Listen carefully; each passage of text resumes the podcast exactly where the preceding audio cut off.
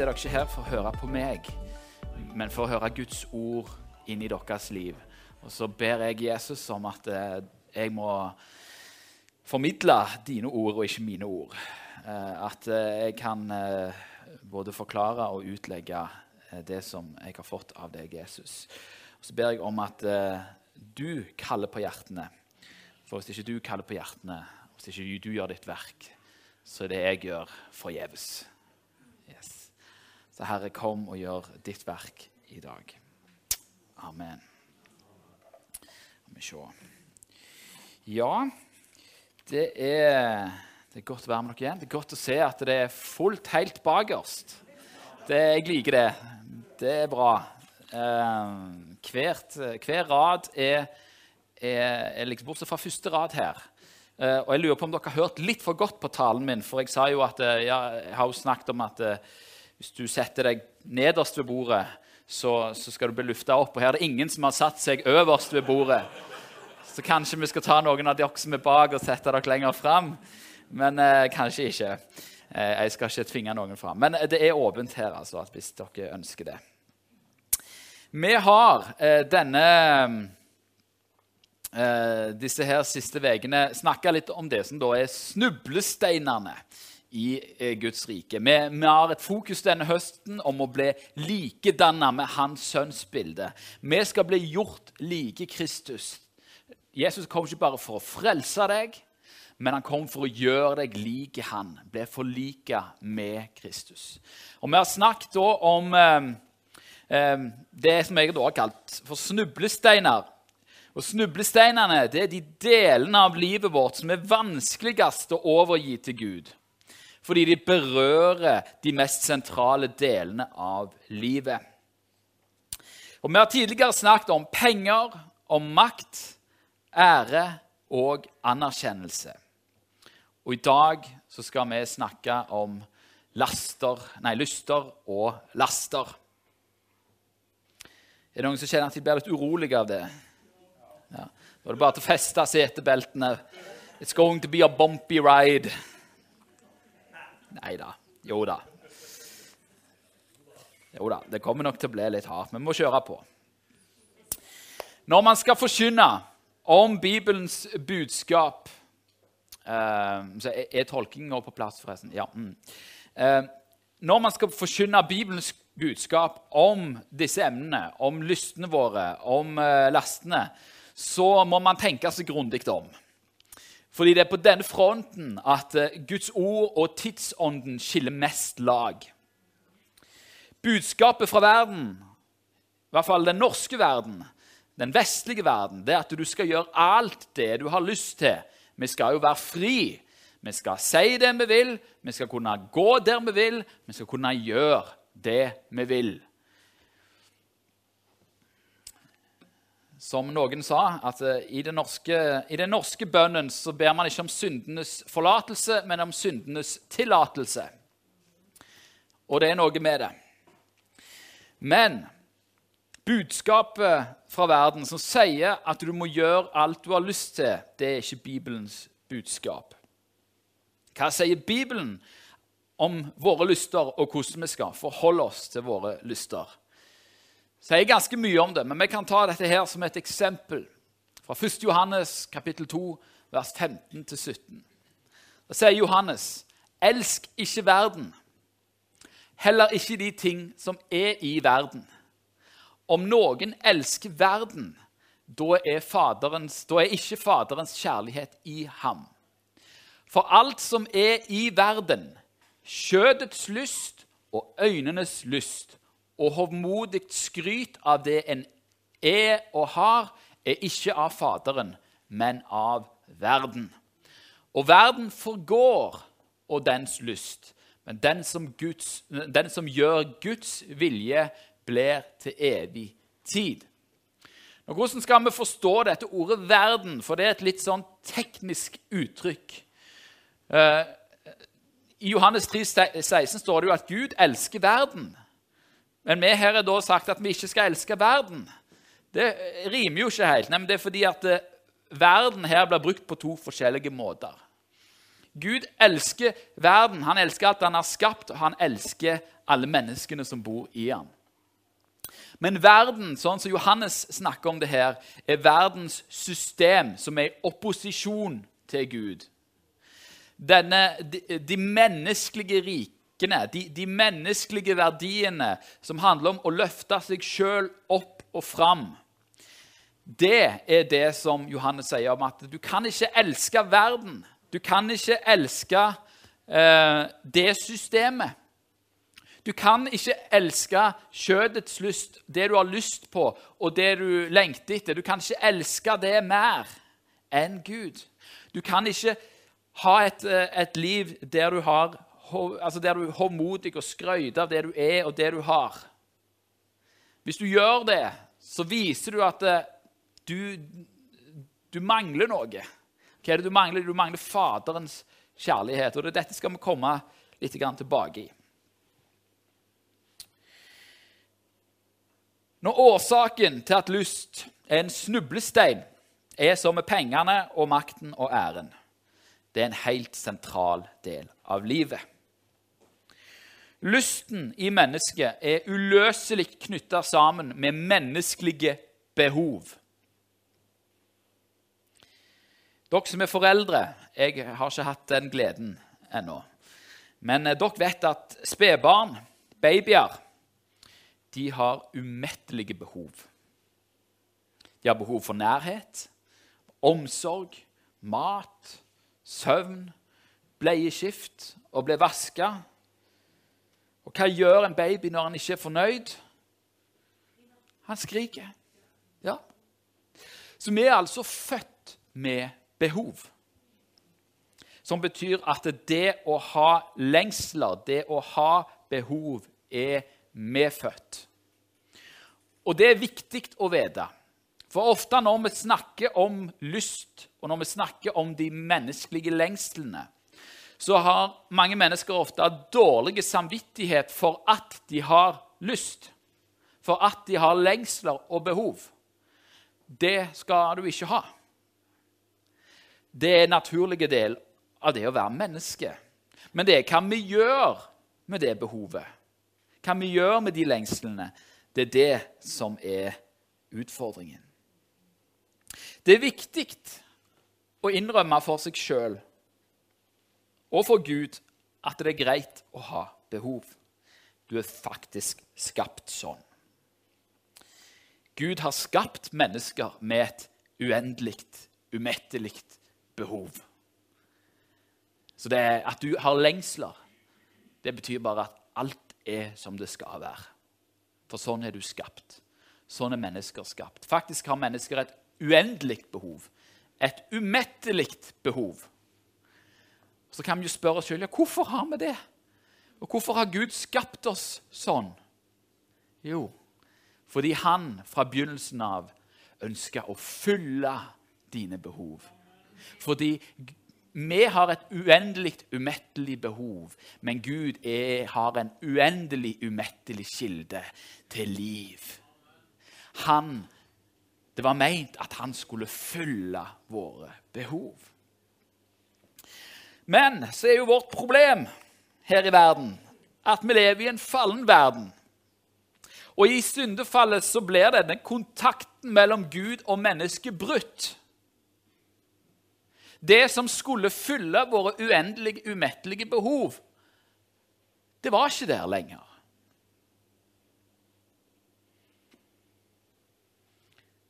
Så vi blir da fanga i en verden der Gud Gud var jo der, men, men altså Mennesket som har et uendelig, umettelig behov, blir fanga i en verden som ikke kan fylle det uendelige, umettelige behovet. Det er problemet. Så når blir menneskets behov til det Bibelen kaller for kjødets lyst, som vi står her? Hvor går den grenseoppgangen? Jeg tenker at 1. Korinterbrev 6,12 sier noen ting om denne grenseoppgangen. Den, den hjelper oss inn i det. Der står det at 'jeg har lov til alt, men ikke alt gagne'. Jeg har lov til alt, men jeg skal ikke la noe få makt over meg. Hvordan får kjødets lyst makt over meg? En som strevde mye med disse tingene, var en mann på 400-tallet som het Augustin. Han, han strevde mye sjøl i sitt eget liv med sin egen lyst og ting han hadde lyst til. Uh, så Han skrev jo en, en, en hel bok om det som heter 'Confessions', eller 'Confessiones', som, ja, som er den første sånn autobiografien, der han snakker om sin kamp med, med lysten. Og Det han kom fram til Han var også en tenker, en ganske smart mann. var at eh, alt Når det gjelder våre lyster, så handler det om at de må være på sin rette plass. Du har en appetitt for ting. Du har lyst til ting. Eh, og de må være ordna på en sånn en måte eh, at det fører til fred og glede og orden i forhold til Gud. behov det blir til kjødets lyst når man søker å fylle et behov med noe som det ikke var designa for å fylle. Nå skal jeg gi noen eksempler som kanskje virker litt trivielle. Det er kanskje ikke de mest alvorlige greiene, men det gir et lite bilde på hva dette her er. Er det noen her som har hørt om trøsteshopping? Er det noen her som har gjort trøsteshopping? Ja. Jeg har òg faktisk gjort trøsteshopping. Hva er trøsteshopping for noe? Jo, det er når, når uh, jeg føler meg uh, Har hatt en dårlig dag, jeg er lei meg, jeg er trist, jeg er stressa eller et eller annet sånt. Eh, og for å da fylle behovet som jeg har for trøst, så går jeg og kjøper meg en ny genser eller et par nye sko og litt sånn, for da føler jeg meg fin og bedre. Og så, for, så søker jeg å fylle eh, mitt behov for trøst med nye klær. Eller med nye duppedings. Eller med nytt stereoanlegg. Eller hvis du har veldig mye penger, med ny bil. Sant?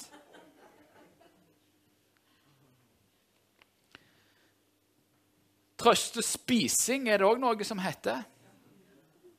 Det er akkurat samme prinsippet, bare at da er det mat som er greia.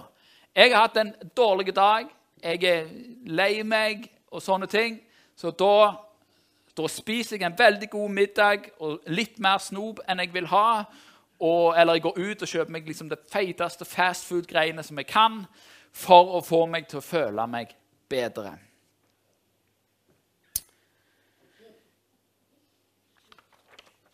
Du vet, Hvis du har hatt en dårlig dag, og du er lei deg og griner Så det du trenger, er ikke en Big Mac. Du trenger heller ikke nye sko. Du trenger en klem. Og du trenger noen trøstende ord. Det er det du trenger. Når kjøper man nye klær?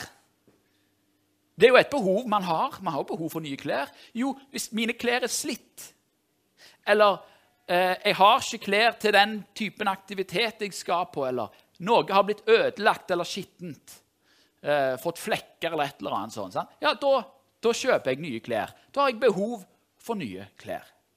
Når spiser jeg? Når jeg er sulten. Ja? Har måltider. Jeg spiser for, for å stille sulten.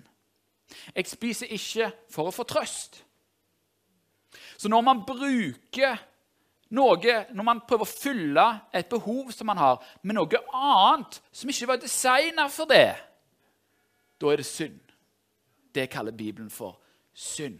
For hva er synd? Det er å bomme på målet.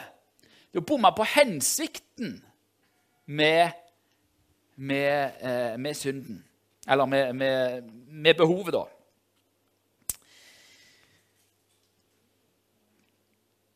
Du vet, Jesus han eh, har jo også, møtte jo på lysten. der ute i ørkenen. Matteus 4, 2-4. Så Han hadde fasta i 40 dager og 40 netter, så ble han til sist sulten. Jeg vet ikke hvor mange her som har fasta i 40 dager og 40 netter. Men da er du helt på grensa, altså. Um, da er du sulten. Og Så kommer fristeren til han, og fristeren kom til ham og sa, 'Er du Guds sønn, så si at disse steinene skal bli til brød.' Men han svarte og sa, 'Det står skrevet:" 'Mennesket lever ikke av brød alene, men av hvert ord som går ut av Guds munn.' Og En ting som, jeg, som slo meg når jeg begynte med denne talen, det er jo at eh, Hvorfor vil djevelen at han skal spise, gjøre disse steinene om til brød? Ikke for å stille Jesus sin sult, for å bevise at han er Guds sønn. Så han inviterer Jesus til å, til å stille sulten, eller til å, opp, til å, bruke mat på en måte som, som, som eh, skal stille et annet behov. Og det er behovet for anerkjennelse visshet for identiteten. Er du Guds sønn? Og Så svarer Jesus at mennesket lever ikke av brød alene, men av hvert ord som går ut av Guds munn. Og Det viste at eh, altså, det er jo ikke synd å spise i seg sjøl. Det var synd å spise på det grunnlaget. Eh, og så var det ikke tid for Jesus å spise da. Han var i en fasteperiode. Så derfor så, så holdt han det. Jesus hadde orden i sine appetitter. Vi ser jo at Jesus spiser. Han ble jo kalt både storeter og vindrikker. Jesus likte et godt måltid, han. Det var ikke synd. Men her ble det synd. For djevelen fristet han til å bruke mat på en måte som mat ikke var designet for å gjøre. Så hvorfor kommer da våre lyster så fort ut av plassen sin? Jo, det er fordi at Gud har designa deg sånn at hver gang du får et behov oppfylt, så får du en god følelse. Noe inni hodet ditt, inni hjernen din, som kalles for nytelsessenteret. Som gjør at hver gang du får et behov oppfylt, så trigger det den gode følelsen, nytelsesfølelsen. F.eks. hvis du har eh, sprunget en lang tur, og det er masse varmt, og sånne ting, og så får du endelig drikke, slukke tørsten. Er det noen som har opplevd det her? Å slukke tørsten når du var skikkelig varm. og sant? Det er kjempegodt. Det er herlig, det er det ikke? Ja, Da bruker du vann på rett måte.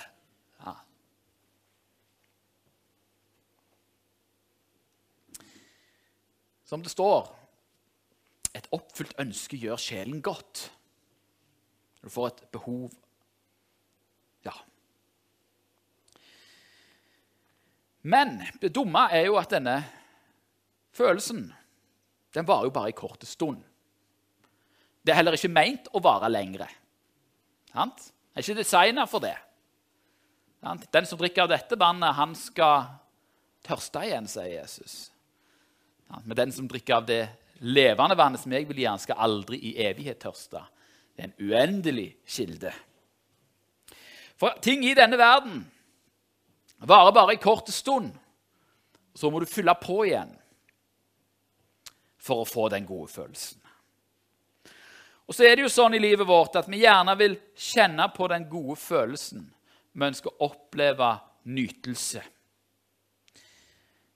Men når du er i en fallen verden, som, som vi er i, som ikke kan gi deg den gode følelsen hele tida, så kan du faktisk ikke alltid kjenne på den gode følelsen.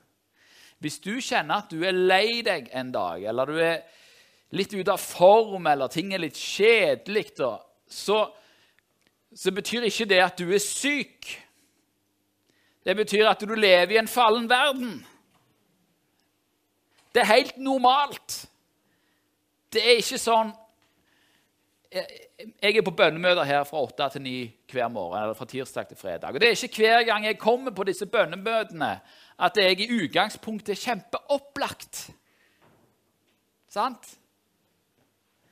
Og vet du hva? Det er greit. Jeg trenger ikke være opplagt for, for å be. Jeg trenger ikke alltid å være opplagt og happy. Jeg syns det er kjempekjekt å være happy, jeg synes det er kjempekjekt å være glad. Men det å innse at i denne verden så er jeg ikke alltid glad. Og det er greit. Men hvis vi kjeder oss, er triste eller er stressa, det er da det er så fristende å ta disse her snarveiene bare for å kjenne den gode følelsen. Bare for å kjenne på den nytelsen.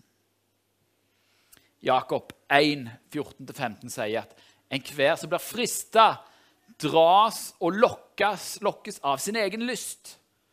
Og når så lysten har unnfanga, så føder han synd. Men når synden er fullmoden, så føder han død. Så det er alvorlige greier, dette her. Hvis jeg gir etter for lysten med å bruke et eller annet behov feil for å fylle et eller annet som blir feil, så får jeg den gode følelsen.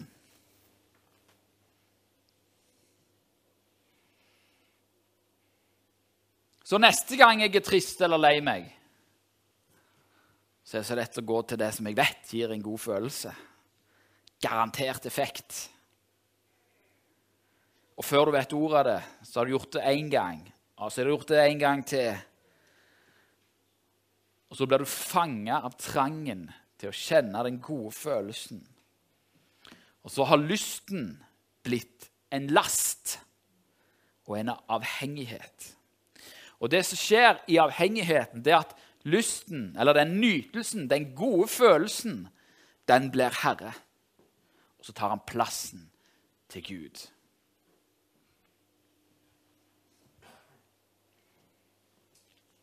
Og det er alvorlig som Romerbrevet 6,16 sier.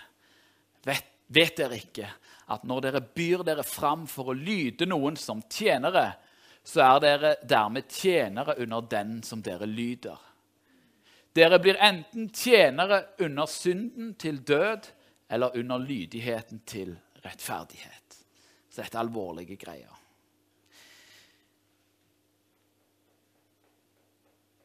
Hvis du alltid lystrer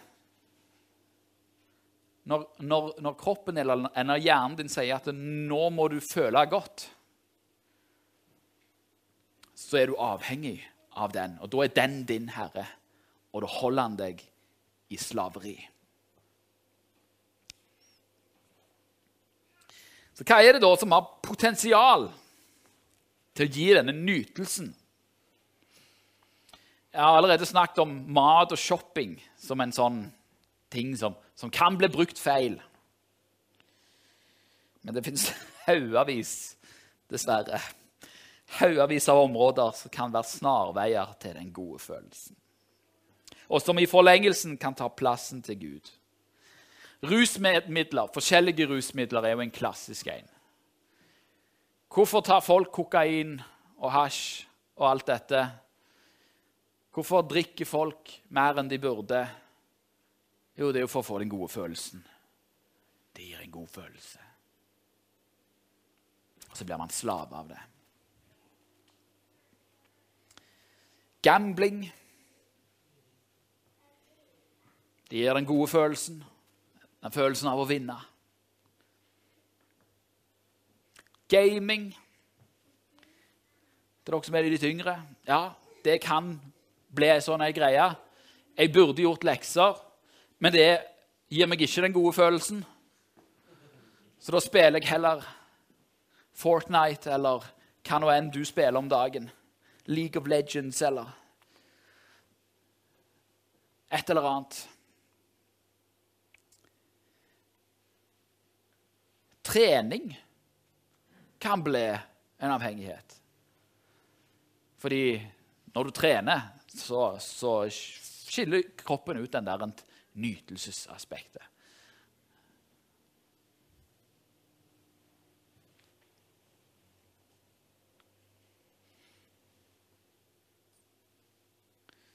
Sosiale medier. Facebook, Snapchat, Instagram. Twitch Alt mulig. WhatsApp Jeg vet ikke hvor mange som finnes. Er det noen flere som jeg ikke vet om? som jeg ikke nevnte? Ja. Hæ? Hundrevis. Massevis av sosiale medier. Facebook. Sånn på en måte der du kan få likes og sånne ting. Det går fint an å bli avhengig av likes. Ja. TV-serier. Netflix går det an å bli avhengig av.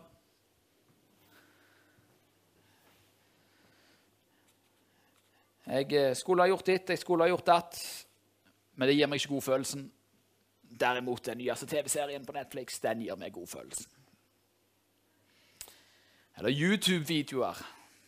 Der har du meg. Jeg eh, syns den er litt sånn Kan fort bli tatt inn av den. Det er så mye spennende på YouTube. Det er så mye å lære, pleier jeg å overbevise meg sjøl om.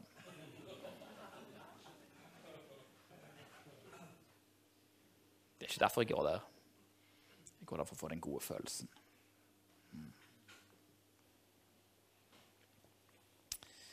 Premier League. Fotball, Eliteserien, Champions League, det kan bli en avgud. Det kan få, gi akkurat samme greia. Eh, faktisk, jeg, jeg så Apropos se på ting for å, for å, lære noe, så så jeg en dokumentar om Premier League. Uh, og Da fikk jeg det jo rett i fleisen. Uh, det var ei som sa at ja, altså, fotball er jo på mange, mange, måter som en religion. Ja, det er akkurat det det er. Humorister, Irske humorister som, spurte, som hadde sånn, en sånn sketsj, og, og der folk spør liksom, For å komme inn i Irland så må du svare på noen spørsmål. Og så er det liksom Ja, hva er de to mest eh, vanlige religionene i Irland? Og så ble, svarte de eh, Liverpool og Manchester United. Ja, sånn er det. Jeg, jeg jobbet en gang med en som eh, der humøret ble styrt av hvordan HamKam hadde gjort det eh, i Eliteserien. Og Hvis dere kjenner HamKam, så vet dere at de ikke vinner så mye. Så han var ganske sur.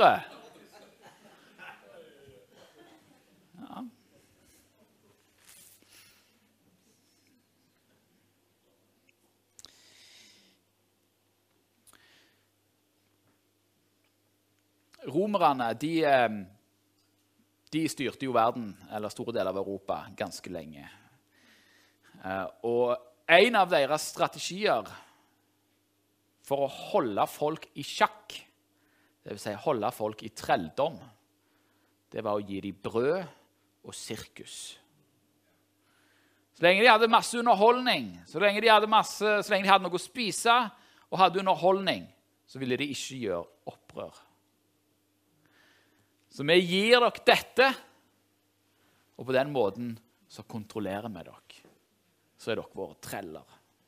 Underholdning, mat, forskjellige ting kan ta plassen til Gud.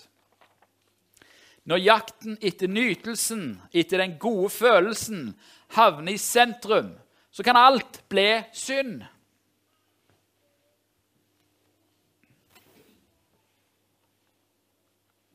Når man bruker ting på feil måte, med feil hensikt. Du vet, Det å stå her og forkynne kan bli synd. Hvis det er viktig å stå her og forkynne fordi det gir den gode følelsen. Sant? Når noe annet enn Gud havner på førsteplassen i livet, så er det synd. Synd holder mennesker i trelldom. Men Peter sier dette om det livet som vi er kalt til å leve. Hvordan skal vi leve? Jo, han sier da nå altså Kristus har lidd i kjødet, så må også dere væpne dere med den samme tanken, at den som har lidd i kjødet, er ferdig med synden, slik at dere ikke lenger skal leve etter menneskenes lyster.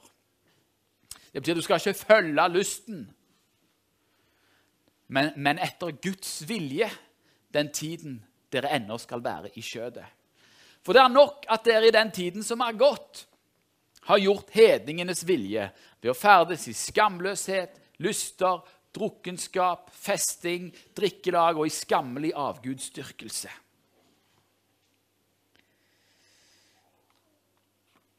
Det er sånn vi er kalt å leve. Ikke, vi skal ikke la oss fylle, lede av lysten, men lede av Guds vilje.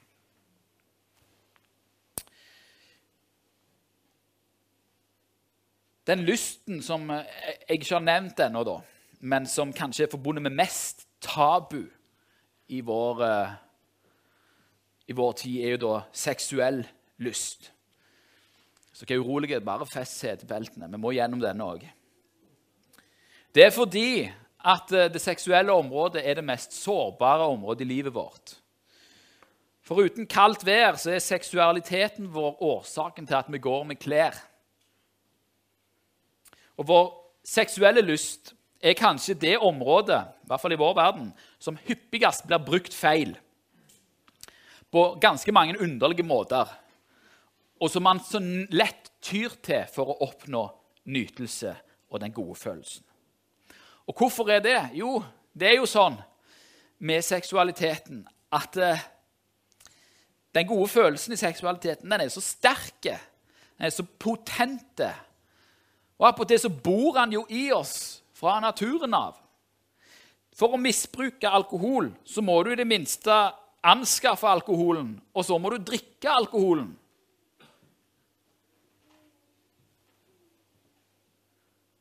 Det seksuelle sitter jo her og her. Trenger ikke å flytte meg en meter. Tilgjengelig bare med å tenke på det. Sant?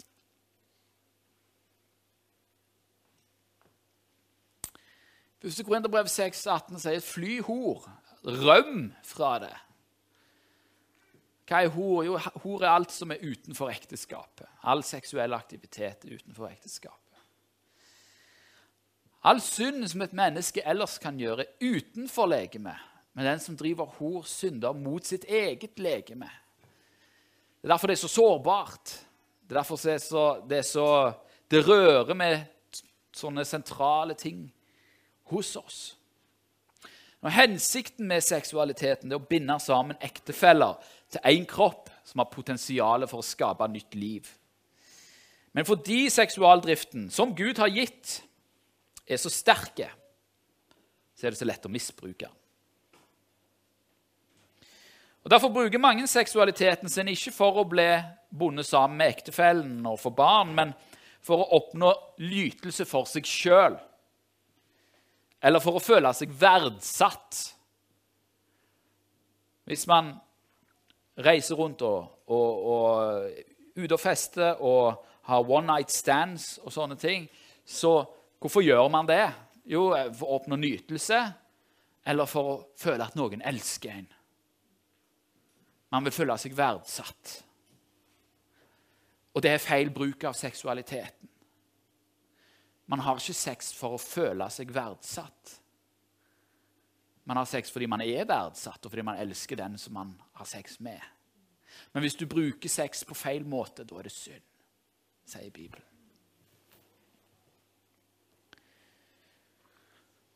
Noen, spesielt menn, vil ha sex for å føle seg som en mann. Sorry. Fungerer ikke. Du blir ikke mer mann av å ha mer sex.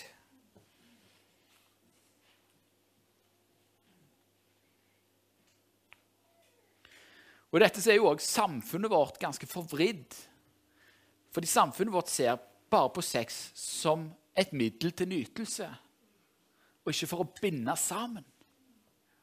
Derfor kan du lese sånne teite avisoverskrifter som 'Hvordan få orden på ditt seksualliv'? Jeg har ikke et seksualliv.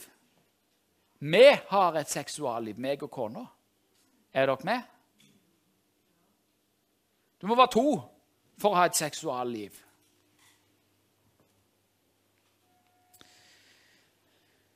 Nå har jeg skrevet, nå har jeg da beskrevet alt dette om disse tingene. Hvordan siden det er så mange lystfeller å gå i da, hvordan kan jeg holde appetittene mine i rett orden, som Augustin snakker om? Jo, veien er smak og se at Herren er god, står det i Salme 34, 9, 1. 9,11. Det er der det begynner. Smak og se at Herren er god. Salig, dvs. Si lykkelig, er den mannen som tar sin tilflukt til ham. Frykt Herren, dere Hans hellige. De som frykter ham, mangler ikke noen ting. Unge løver lider nød og sulter, men de som søker Herren, skal ikke mangle noe godt. Han er den som kan fylle alle våre behov. Eller som det står i Salme 73, vers 25.: Hvem har jeg ellers i himmelen? Når jeg bare har deg, begjærer jeg ikke noe på jorden.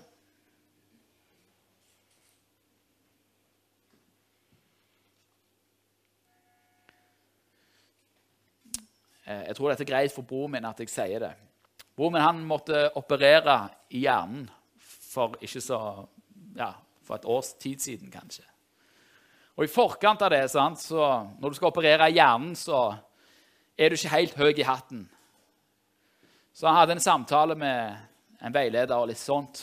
Og i det øyeblikket så blir han dratt inn for Guds trone. Altså en, en sånn henrykkelse. Og det han beskriver etterpå, det var at eh, når jeg var der foran Guds trone, så kunne jeg bare reise. Jeg kunne reise fra ungene, jeg kunne reise fra kona, jeg kunne reise fra jobben. Alt. For han hadde Det var bare det å stå og prise han som er, og som var. Og så kom han jo til seg sjøl, da. Og da visste han at når jeg skal inn og operere, det samme, samme dette hvordan det går. Det er hipp som happ. For jeg, har, jeg vet hva som venter. Når jeg bare har deg, begjærer jeg ikke noe på jorda. Eller så Salme 84 sier, vers 3 og vers 11.: Min sjel lengter, ja, fortæres av lengsel etter Herrens forgårder. Jo, hvorfor det? Jo, mitt hjerte og mitt skjød roper med fryd til den levende Gud. For én dag i dine forgårder er bedre enn ellers tusen. Jeg vil heller stå ved dørterskelen i min Guds hus enn bo i ugudelighetstelt. Hva er det alle disse salmistene prøver å si? Jo, de sier at der du får dine behov oppfylt, er hos Gud, hos Jesus. Og Det står òg i det andre, i Det nye testamentet. Hva sier Feserbrevet? Drikk dere ikke av drukna vin, for det fører bare til utskeielser, står det i Feserbrevet 5, 18-20. Men bli fylt av Ånden. Så dere taler til hverandre med salmer og lovsanger og åndelige sanger og synger og spiller for Herren i deres hjerter. Og alltid takke Gud og Faderen for alle ting i vår Herre Jesu Kristi navn. Og Galaterbrevet 5,16 sier, 'Men jeg sier, vandre i ånden.' Så skal dere ikke fullføre kjødets lyst. Hvordan kan dette skje, da? Hvordan skjer dette? Jo, hvis du lengter til Jesus og lever med han, og har han som din høyeste lyst, og opplever at du blir fylt av han, så trenger du ikke å bruke de andre tingene på feil måte. Det betyr ikke at de ikke du har behov. Du skal jo spise. Og er du gift, så skal du ha sex òg. Sant? Det er helt bra, det. I den rette formen. Med den rette hensikten. Men over alt dette så er det jeg har Gud. Han kan fylle mine behov. Han kan fylle alt som er jeg har. Så kan det være noen av dere syns det brenner litt på sædene deres i dag. For hva om jeg sitter fast i noe? Dere sitter her, og dere vet at ja, jeg vet at det er, jeg har noe som binder meg. Jeg har noe som Jeg har denne nytelsesgreia som jeg går til når jeg føler meg trist, lei, stressa, et eller annet. Som jeg ikke klarer å komme ut av. Hva gjør jeg da, Thomas? Bli fulgt av Ånden, det hørtes litt svevende ut. Hvordan skjer dette? Og hva vet du om dette, du som står der på talerstolen og ser så fin ut? Jeg har gode nyheter. Det fins en vei ut av avhengighet. Det fins en vei ut av disse lengslene. Og jeg vet akkurat hva det går i. Jeg ble hekta på pornografi jeg, når jeg var 19 år gammel. Og det satte jeg med meg i 13-14 år. Nå er jeg fri. Vil dere vite hvordan det skjedde? Ingen som vil vite hvordan det skjedde? Jo, ja, da. De første seks åra så innrømte jeg ikke for meg sjøl at jeg hadde et problem. Det er første bud. Du må innrømme at du har et problem. Du, de neste seks åra prøvde jeg å ta tak i problemet på egen hånd. Slaver prøver å gjøre opprør. Går sjelden bra. For det har deg. Det har deg. Det tvinger deg. Det binder deg. Du har ikke sjans på egen hånd. Jeg kan ikke fri meg sjøl ut. Det går ikke. Så det første man må gjøre hvis man er stuck, det å innrømme for seg sjøl at man er stuck. Og så må man bekjenne at man er stuck. Og når jeg sier 'bekjenne', så betyr det 'fortelle til et annet menneske'. For du kan fortelle til Gud alt du vil, men han vet jo alt uansett. Og det, det, det fører ikke til Da lever du ikke i lyset. Må, du, for å leve i lyset så må du fortelle det til et annet menneske. Der begynner det. Der begynner det. Ærlighet og bekjennelse. For da sier du sannheten. Og hva er det sannheten skal gjøre? Jo, sannheten skal sette deg i frihet. Dere skal kjenne sannheten. For min del så hadde jeg en Jeg gikk til de eldste i menigheten når jeg var på Jørpeland. Og jeg bare sa det akkurat sånn som det var. Hele opplegget.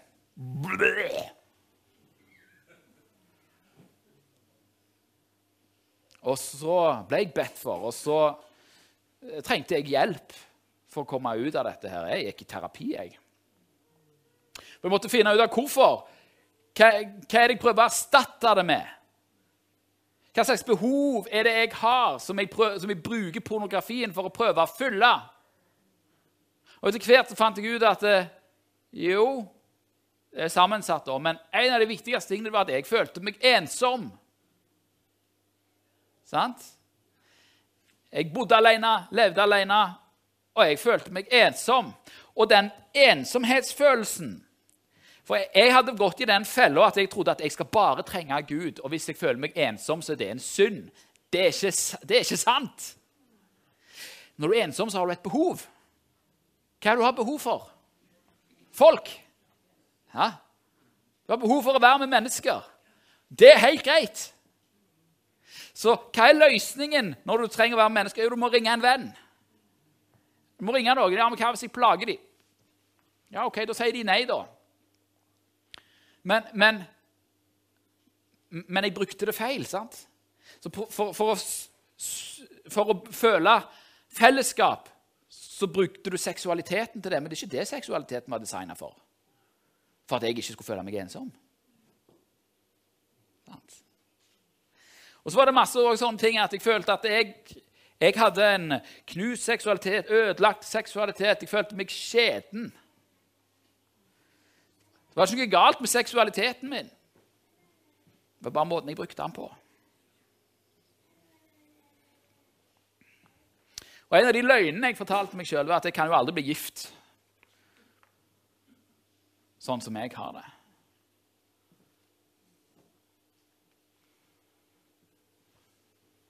Jeg må vinne over dette her før jeg kan bli gift.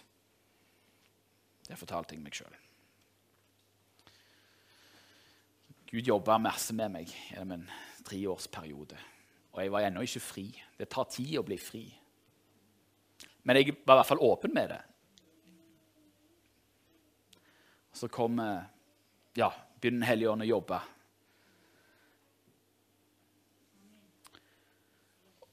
Og så for å på en måte For det er noe når Sønnen får sette deg i frihet, så blir du fri. Det er korset, det er blodet. Han har dødd for mine synder. Han, hans blod gikk inn i mitt hjerte og rensa meg. Og det som skjedde, var at jeg, jeg hadde hatt en forferdelig natt og hadde sett på masse pornografi. Jeg tenkte, hvordan i all verden ah, Nå var jeg, falt jeg igjen, og bare drit. Og så sov jeg masse. Jeg fikk, la meg gå til å sove og sov. Skulle gå i en bursdag og hadde egentlig ikke så veldig lyst gå i denne bursdagen. Jeg var på ingen måte verdig til å bli gift. Og den dagen så møter jeg Anne første gang. Og så, ja, plutselig så skjønner jeg at oi, her ser det ut som det kan bli noe. Men jeg har jo alle disse greiene. Så jeg måtte jo bekjenne for hun òg hvordan jeg hadde hatt det. Men, men fra jeg plutselig så at dette går jo, så så jeg at djevelen hadde jo feil. Og så mista det makten. Sånn. Bam! Jesus frigjorde meg. For sannheten frigjorde meg. Så kan det være at dere sliter med dette her, eller med andre ting. Og jeg er ikke og jeg, jeg, har såpass forståelse at jeg, jeg vil ikke at dere, altså jeg, dere trenger ikke å komme fram her uh, og bekjenne dette for alle med en gang. Jeg håper at dere på en gang måte kan gjøre sånn som meg. Men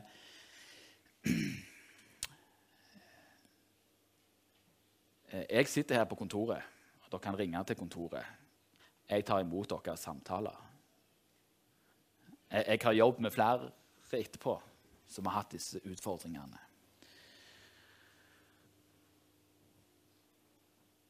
Hvis dere uh, har problemer med enten pornografi eller med andre ting som binder dere, så er første steg å bekjenne. Jeg har taushetsplikt.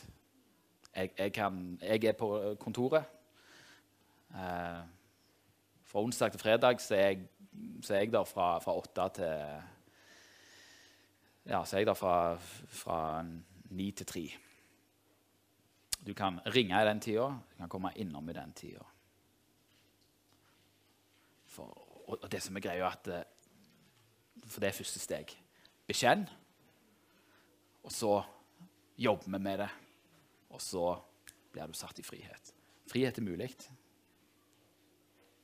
Det er det beste vitnesbyrdet jeg har om Guds kraft. Om hva korset kan gjøre. Jeg, jeg fridde ikke meg sjøl. Han fridde meg. Jeg, jeg skjønner egentlig ikke helt hvordan det skjedde. Det er ikke en teknikk det er bekjennelse. Og så er det å se at han kan fylle alt. Det er det. Skal vi be sammen? Kjære Jesus, nå er det, nå er det snart ferdig her. ja. Kjære Jesus, du ser mine venner. Eh, og du ser hvor mange laster som, som fort kan henge fast med oss. Og som prøver å holde oss i trelldom. Og som ønsker å ta frimodigheten vår Eh, og som ønsker å ødelegge livet vårt, Herre. Og så har du kalt oss til frihet. Og så kan du gjøre oss fri. For den som Sønnen får frigjort, blir virkelig fri. Så ber jeg Herre om at, eh, så takker jeg for at du kom ikke for å fordømme mennesker som sitter i, i, i trelldom. Nei, du kom for å sette de undertrykte fri. Og Jeg bare ber Herre om at du, din ånd nå går og banker på hjertene for å sette mennesker i frihet. Enten for å si nå er det på tide å bekjenne. Det er på tide å bekjenne det som er feil. Og om du har bekjent, å åpenbare hva som er veien videre. Jeg ber Herre for denne forsamlingen. Jeg takker deg for at du, du, du har du har latt de høre dette ordet ikke for at de skal bli fordømt, men for at de skal bli fri. Fordi du elsker alle. Du har dødd for alle for å sette dem i frihet. Og frihet er mulig. Frihet er mulig. Ingenting er mulig for deg.